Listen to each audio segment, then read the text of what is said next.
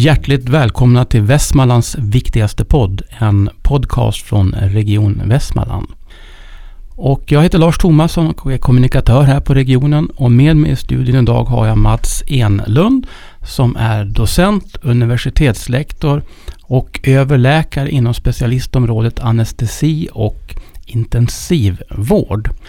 Och med anledning av att eh, Centrum för klinisk forskning fyller 20 år så kommer vi fortsätta med vårt forskningstema. Vi kommer idag att prata om narkos. Och för oss lekmän så kan man ju tänka så här att ja men narkos som narkos det är väl ungefär samma man använder överallt, samma medel.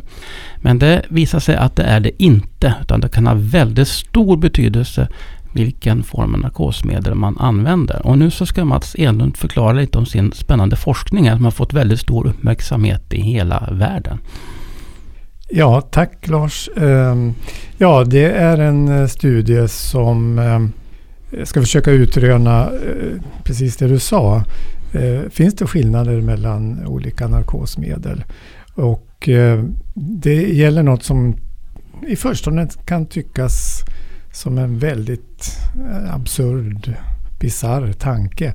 Spelar det roll vad jag väljer för narkosmedel när jag ska söva en patient för cancerkirurgi?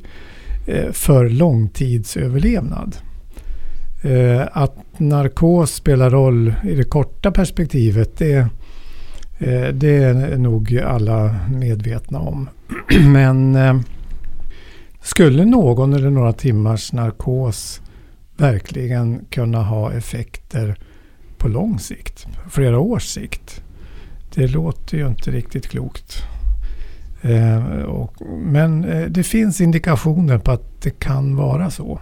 Eh, och eh, det, den här studien då som är förkortad till CAN, Cancer and Anesthesia, cancer och narkos. Eh, den försöker få svar på den frågan. Eh, och det vi tittar på är bröstcancer och eh, tarmcancer, alltså tjocktarm och ändtarm. Eh, och den studien pågår. Bröstdelen är klar så tillvida att alla patienter som behövs är inkluderade som man säger. Och just nu håller vi på att analyserar ettårsöverlevnad. Vi har fem års och ett års överlevnad som utfallsmått. Fem års är egentligen eh, huvudutfallet men ett år råkar ju komma före fem. Så att eh, vi börjar där. Så det håller vi på med just nu. Jag har ju tjuvläst på lite grann om det här och då visade det sig att ni hade ju fått fram väldigt spännande resultat av några så kallade tillbakablickande undersökningar. Ja, ja vi började så och det kan många gånger vara klokt att göra det. Eh, själva idén kom sig utav ehm, eh, det, det ramlar in då och då eh, nya studier som man ehm, tycker ja, det där ser intressant ut och så läser man lite grann eh, sammanfattning och ibland lite mer. Eh, och eh, jag börjar skönja ett mönster. Det här ligger ja, mer än tio år bakåt i tiden. Eh, att det såg ut som att eh, olika narkosmedel har olika effekter på immunsystemet. Eh, mestadels var det då djurstudier men eh, samma effekter verkar finnas eh, när man laborerar med patientblod eller ja, man tittar på patienter. Eh, men eh, det fanns ju ingen som tittade på eh, effekter på lång sikt. Och, så idén kom upp så. Och, då är det ju så att ska man, göra, ska man försöka få svar på frågan då måste man göra det man kallar för randomiserad kontrollerad studie. Randomiserad, vad betyder det? Det betyder att slumpen avgör om man nu i det här fallet då ska jämföra två olika narkosmedel eh, så får slumpen bestämma vilket medel ska patienten få. Eh, för så fort man eh, väljer själv eller, eller patienten väljer eller vilket de ju inte gör men eh, eh, då introducerar man en, en, en störning det, som gör att man kan inte lita på resultatet på sikt när man gör en sån här framåtblickande prospektiv studie då kan man verkligen få svar på en fråga under vissa förutsättningar. Eh, och en av förutsättningarna, kanske viktigaste, det är just att slumpen får avgöra vem som får vad. Och har man åtminstone, om man inte har väldigt, väldigt små studier, eh, då kan man lita på att slumpen eh, gör att allting annat som spelar roll för, för resultatet. I det här fallet så är det ju massor med saker som spelar roll för överlevnad efter cancerkirurgi. Eh, tumören själv, vad är det för, hur omfattande är den? Har den spridit sig eller inte? Eh, det finns ju olika stadier som man delar in tumörväxt i. Och det, det är ju jätteviktigt. Och vad är det för annan behandling? Ehm, och patientfaktorer, kost vet vi ju spelar roll. Och röker eller inte. Och, och vem är mamma och pappa? Genetik, ärftlighet spelar jättestor roll för många tumörformer. Ehm, och slumpen ser till att allting annat som spelar roll kommer att fördela sig väldigt lika mellan grupperna. Och det enda som skiljer grupperna åt till slut det är just vilket medel som de har fått. Vad var det i den här tillbakablickande studien vad gäller överlevnad som fick er att bli så intresserade att ni tänkte att det här måste vi kolla vidare på? Ja, inför valet att göra en prospektiv sån här stor framåtblickande studie eller att göra en lite enklare, snabbare, billigare retrospektiva tillbakablickande studien. Eh, så som jag sa, många gånger är det klokt att börja den änden. Som eh, första stegen, man tittar tillbaka och ser vad som Ja, händer. därför att eh, resultatet så att säga finns redan. Eh, om man nu, som i det här fallet, ska titta på överlevnad eh, för patienter som opererade eh, bakåt i tiden. Så finns så att säga resultatet redan. Och då blir det snabbare. Ja, nu tog ju det några år i alla fall. Vi gick igenom nästan 3000 journaler och det var just bröst och eh, tarmcancer vi tittade på. Varför just dem? Jo, eh, därför att de är vanliga. Eh, så det finns liksom gott om dem. Eh, och sen hade vi också en tanke att titta på två väsensskilda typer av, av tumörer. Eh, bröstcancer, eh, den är ju Eh, Eh, den har sin speciella biologi och kirurgiskt tekniskt så är den ju det är en relativt ytlig cancer och eh, i den aspekten säger jag då som inte är kirurg men eh, relativt lätt att komma åt. Visst, man måste in i armhålor och sådär som du har hört Leif Bergqvist prata om. men det är ändå relativt ytligt. Tarmcancer, en annan biologi Eh, och ehm, eh, betydligt mer svåråtkomligt och operationerna tar betydligt längre tid. För tidsaspekten kan man tänka sig spela roll också. Så därför valde vi eh, bröst och eh, tjock och ändtarmscancer. Eh, och vi tittade på, om jag minns rätt nu då, eh, från 97 och en bit in i 2010. Eh, och det tog något år att skrapa ihop eh, det. Eh, journalgenomgångar då. Och eh, resultatet var eh, Ja, det var överraskande måste jag säga. Och det, här, och det var ju den första eh, patientstudien som har gjorts liksom med den här frågeställningen. I hela världen? Ja. Eh, och vi hade en skillnad på totalen runt 5 procentenheter. 5 procentenheter av? Eh, alltså vad det gäller överlevnad. Så att eh, de som hade fått eh, det ena medlet, eh, den gruppen hade, ja nu kommer jag inte ihåg exakt eh, siffrorna, men, men säg att, eh, nu hugger jag till, mm. säg att den ena gruppen hade 75 procents femårsöverlevnad så hade den andra gruppen 80 procents femårsöverlevnad. Är det stort? Det, ja, det är det. Jämför man det med Eh, säg att eh, ett företag ska introducera eh, ett nytt cancermedel, ett, ett cellgift eh, eller någon sån här modern... Eh, det finns ju andra principer eh, när det gäller att behandla cancer. Eh, men vi säger ett nytt cancer, anticancermedel. Då är ju företagen väldigt glada om de kan påvisa en skillnad på 3 eller 2 procentenheters skillnad. Eh, det låter ju kanske inte så mycket men, men det är ju ändå 2 till 3 personer av 100.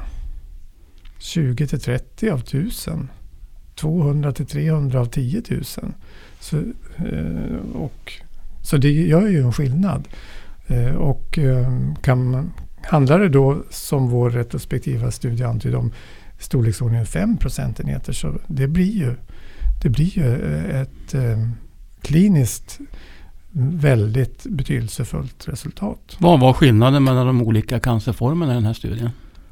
Eh, vad då menar du? Det... Vad var skillnaden, vad ni kunde se resultat vad gäller överlevnad ja, mellan de jo, olika cancer, två ja, olika cancerformerna? Precis, på totalen eh, så, så låg det runt 5 procentenheter. Knappt 5 procentenheters skillnad eh, på ett års överlevnad och drygt 5 procentenheters skillnad på fem års överlevnad.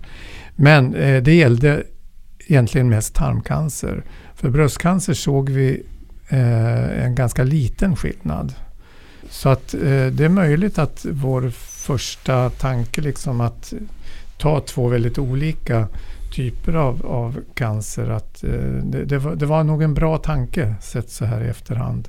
Så då var procentskillnad, procentenhetsskillnaden ännu större vid tarmcancer? Ja, det var, den, ja. det var den.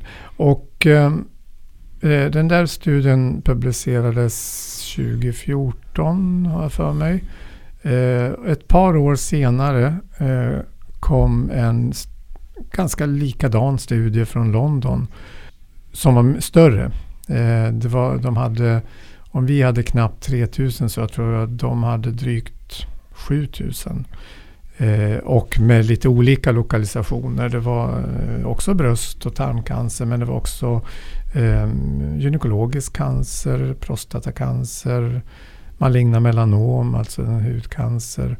Och eh, jag har träffat eh, första författaren på det arbetet ett par gånger och eh, det är samma sak där att eh, de hade heller inte någon stor skillnad på bröstcancer. Eh, utan eh, där, där låg det också på andra lokaler så att säga.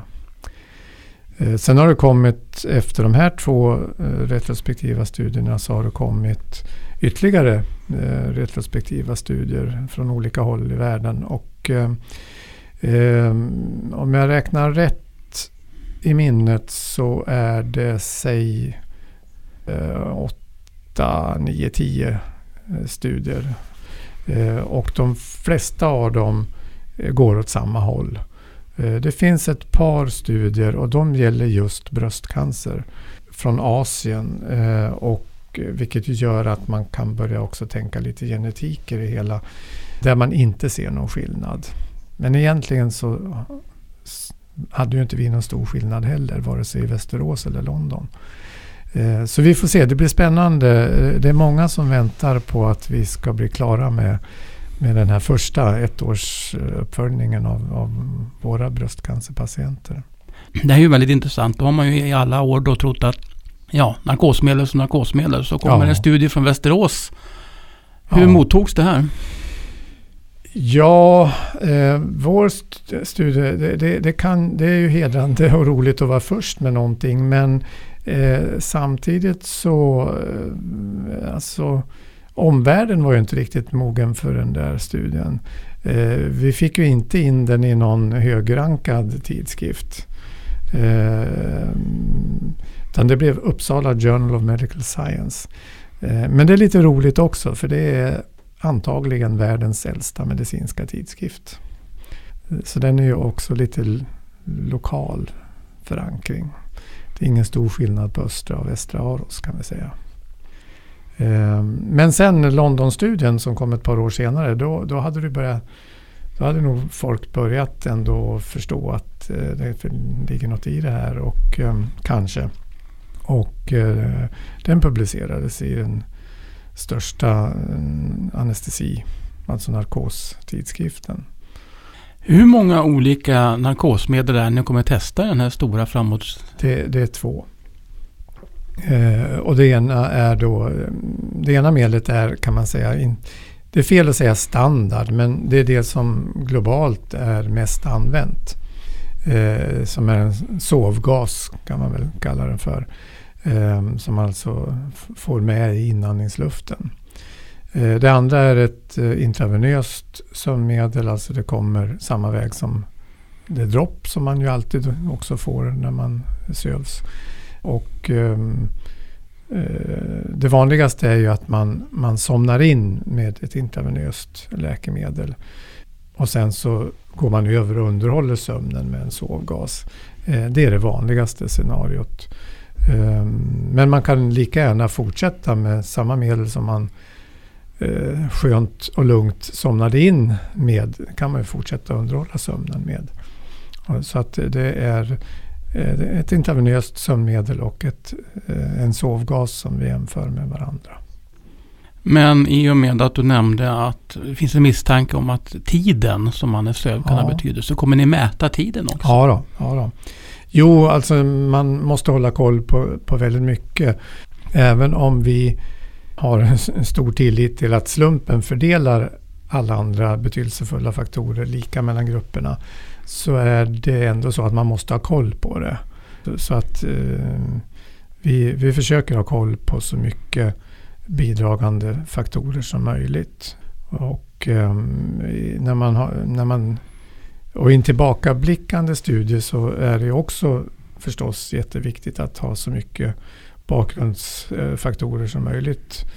Kunskap om dem så att eh, man kan eh, statistiskt, som man säger, justera för det. Eh, om man nu har två grupper, säg att den ena gruppen är lite äldre, ja då kan ju det spela roll förstås för överlevnad självklart. Och då kan man statistiskt justera för det så att man tar bort den effekten. Och ehm, och det gjorde ju vi, och liksom Londongänget förstås i de här studierna. Eh, och ehm, det behöver man ju egentligen då inte göra i en framåtblickande studie. Men vi håller koll på allting i alla fall eh, och ser så att det verkligen blir lika fördelat så som eh, det borde bli. Har ni någon hypotes om vad 17 skulle kunna vara som gör att det kan påverka överlevnaden? Ja. Skillnaden från ett medel till ett annat? Ja, alltså det var ju det det här mönstret som jag såg eh, när det kom en studie här och en studie där om eh, effekter på framförallt immunsystemet. Och eh, det visar sig att eh, de här läkemedlen, det ena är eh, gyns, eh, vad ska man säga, det driver på. Kirurgin startar en, en ordentlig inflammatorisk process. Eh, som man ju först kan tänka kanske att ja men det är väl ändamålsenligt. Eh, kroppen har ju liksom lärt sig att försvara sig. Fast ibland skjuter kroppens försvarssystem över målet och eh, eh, den inflammatoriska processen kan vara lite onödigt stark. Och det ena läkemedlet, då sovgasen, den, den förstärker, driver på den här inflammatoriska processen. Vilket kan spela roll. Medan det andra tvärtom då är det antiinflammatoriskt.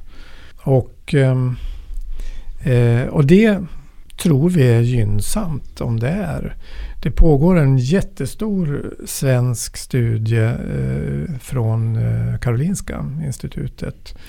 Eh, en ehm, eh, kolorektal kirurg som driver tesen att vanligt hedligt aspirin Alltså acetylsalicylsyra skulle kunna eh, vara välgörande eh, vid eh, tarmcancer.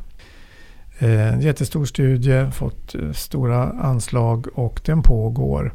Och ja, kunskapsläget just nu är att vi tror att antiinflammatorisk effekt är bra. Så det skulle kunna vara en möjlig förklaring. Sen vet vi också att läkemedel kan ha effekter på, på DNA. Eh, och det verkar som att sovgasen har eh, ogynnsamma effekter på DNA. Skriver om DNA på något sätt? Eller? Alltså exakt vad som sker, det, det vågar jag inte säga. Men det finns en gammal väletablerad teknik att titta på DNA-skada eh, som är använd i massa olika sammanhang. D där har man tittat på, på oss som jobbar eh, på en operationssal. Uh, nu gör... Ni sker lite av slumpen så att säga? Ja, nu, nu, nu gör, gör nu, sen, många, sen många, många år så, så uh, gör vi allt vad vi kan för att uh, vi som jobbar inte ska exponeras för narkosgas. och um, Eh, vi har täta system, vi har eh, bra utsug, vi har bra luftväxling på salarna och så.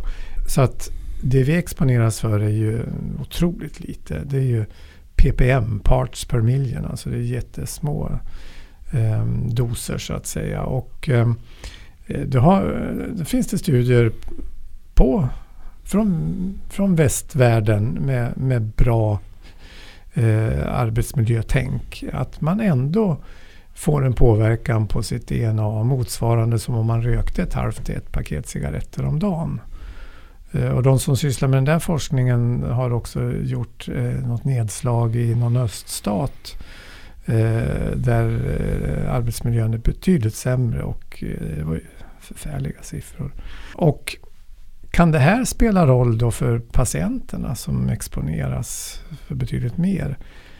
Ja, kanske. Det, man det, både får själva dosen man får i sig vid narkosen och det som finns spiller runt i övrigt? Ja, alltså om det nu har en DNA-skadande effekt så kan man ju misstänka att det borde spela roll eh, i förlängningen. Eh, det är ingen som någonsin har visat det, men eh, det är, det är ett rimligt antagande. Ehm, sen finns det en annan mekanism som också skulle kunna vara med i den här diskussionen. Ehm, och det är en faktor som ehm, när cancerceller förökar sig och en, en cancer växer.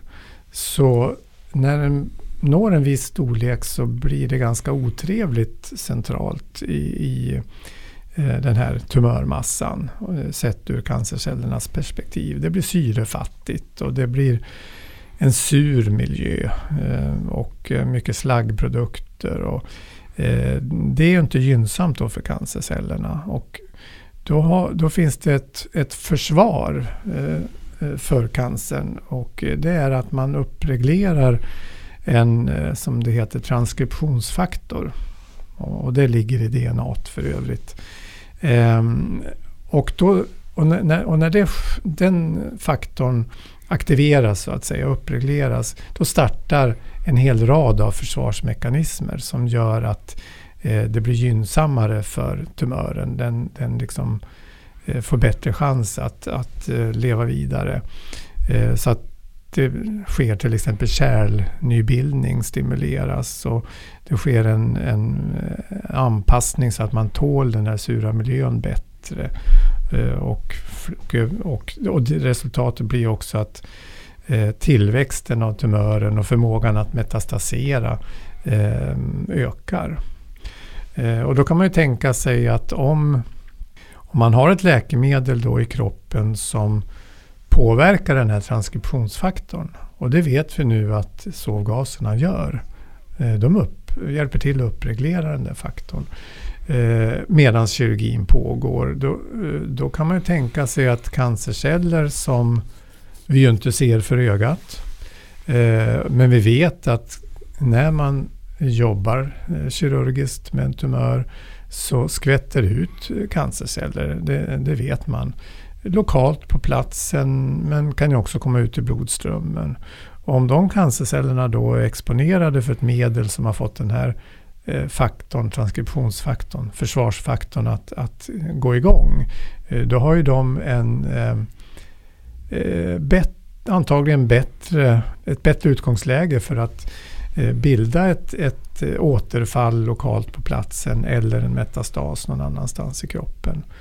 Eh, till skillnad då om man har ett läkemedel i kroppen som inte uppreglerar den där faktorn eller kanske till och med nedreglerar den. Vilket det verkar som att det här intravenösa medlet gör. Så sådana här eh, resultat från labbstudier det är också intressant för det, det kan vara en förklaring också med den här det finns en del djurförsök ni har tittat på också? Ja, det, det var ju, ja precis. Och, och, mycket av det här är ju från djur. Um, men det verkar ju som att eh, till exempel den här antiinflammatoriska respektive proinflammatoriska egenskaperna eh, som man ser hos djur, det gäller även hos människa. Och, och likaså här, den här transkriptionsfaktorn eh, som jag nämnde nu senast. Den, det är också från djurstudier men det verkar också vara så hos människa. Så att de här eventuella förklaringsmekanismerna finns hos människa också. Och så får man väl se då sluteffekten. Eh, ligger det något i den här misstanken eller ej? Men det återstår att se. Det tar några år till. När beräknar ni att den här studien kommer att vara färdig? Eh, vi ehm, kommer att fortsätta med ehm, tarmdelen eh, som går betydligt trögare än, än bröstdelen. Den är ju avslutad ur insamlingssynpunkt. Eh, vi kommer att på, pågå med inklusioner till och med 2021. Inklusioner? Alltså att ta in patienter. De tillfrå alla tillfrågas ju om de vill vara med förstås och det är, det är viktigt eh, att man informerar både muntligt och skriftligt om en studie och så patienterna får ta ställning till om de vill vara med eller ej. Narkos måste de ju ha i vilket fall som helst men eh, eh ur patientsynpunkt måste man tycka att det är okej okay att slumpen avgör vilket såmedel man får.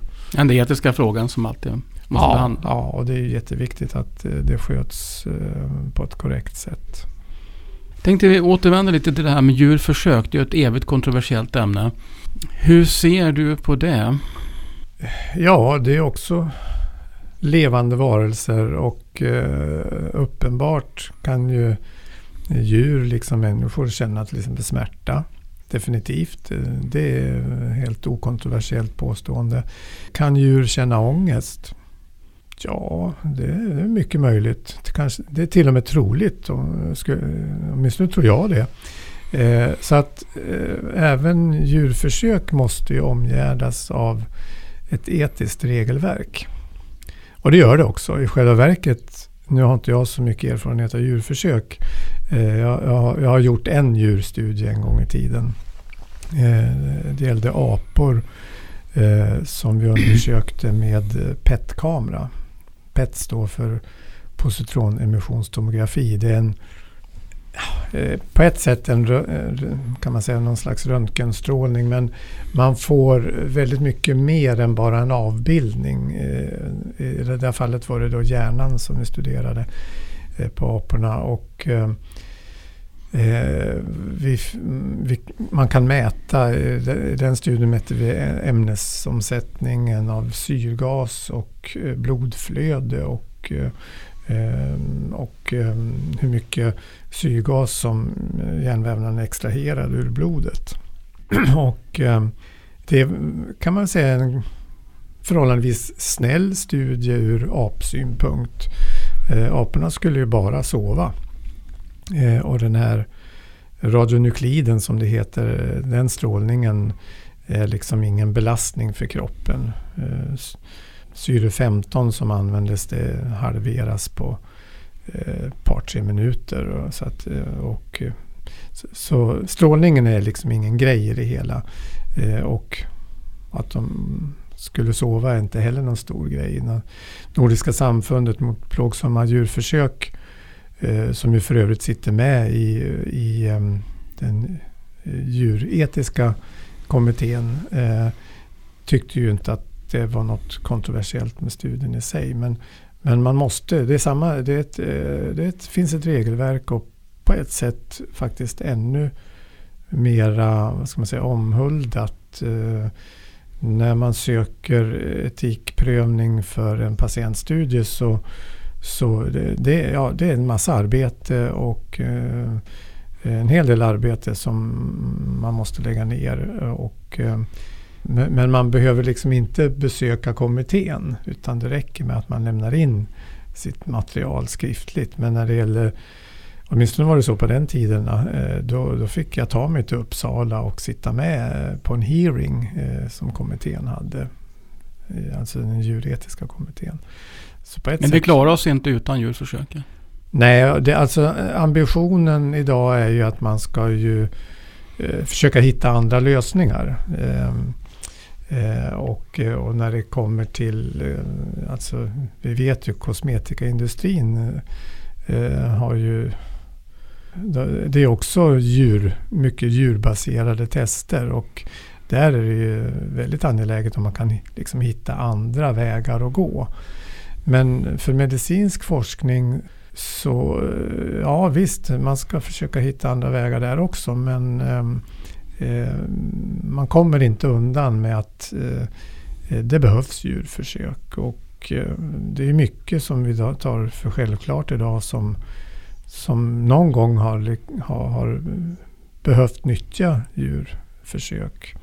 Eh, alla läkemedel har ju djurstudier.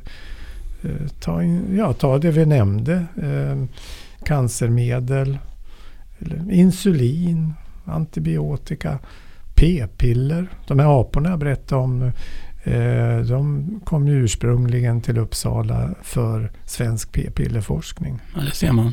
Ja. Men sen ibland i tidningar och media så kan man ju se väldiga påståenden om nya fantastiska vetenskapliga rön. Sen när man skrapar lite på ytan så visar det sig att ja, men det där det handlar om ett antal möss i något laboratorium någonstans. Ja. Eh, ja, jo, alltså det finns väldigt mycket god vetenskapsjournalistik. Eh, det gör det absolut. Fast det finns nog en del mindre god också. Och sen finns det nog journalistik som som inte har någon vetenskapliga förtecken alls. Och, och, och, har man som journalist inte någon bakgrund alls i den där branschen då, då är man ju inte källkritisk. Eh, och då kan man ju övertolka saker och ting. Eh, visst, eh, då kan plötsligt en djurstudie upphöjas till sanning när det i själva verket är så att det fattas ju massor med jobb innan man kan säga att det här är överförbart till människa. Men en del kanske tänker då så här, ja men eh, vi har ju fått läsa då att vi är till 99,9 procent släkt med schimpansen och vi är släkt med bananflugor till och med. Ja. Så vad är det som gör att man inte kan överföra djurstudier till människor rakt då? Nej, det är ju inte bara genetik. Genetik är viktigt eh, i många sammanhang. Absolut. Eh, men sen när det gäller sjukdomar så vet vi ju att ja, jo, vissa sjukdomar, eh, där finns väldigt mycket genetik. Men sen finns det alltid livsstilsfaktorer och miljöfaktorer. Så att det... Schimpanser röker inte och går på krogen och käkar hamburgare? Nej, även om man kan skönja en och annan apa på krogen ibland så eh, är det nog så att eh, de är inte rhesusapor eller, eller något sånt utan det är mera mänskliga apor. Nej, eh, skämt åsido, det, nej de gör ju inte det. Djurmodeller är all ära men de har sina begränsningar. Vad skulle du säga driver dig som forskare? Curiosity killed the cat. Okej. Okay. Nej, ja, det är nyfikenhet. Jag har aldrig varit karriärforskare. Då skulle jag ha, nej, då skulle jag ha lagt upp livet helt annorlunda. nej, det är nyfikenhet. För inledningen av vårt samtal här så sa du att du såg olika mönster.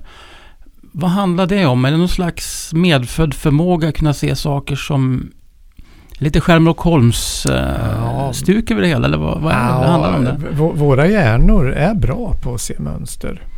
Eh, det är väl något som vi har utvecklat eh, evolutionärt. Eh, och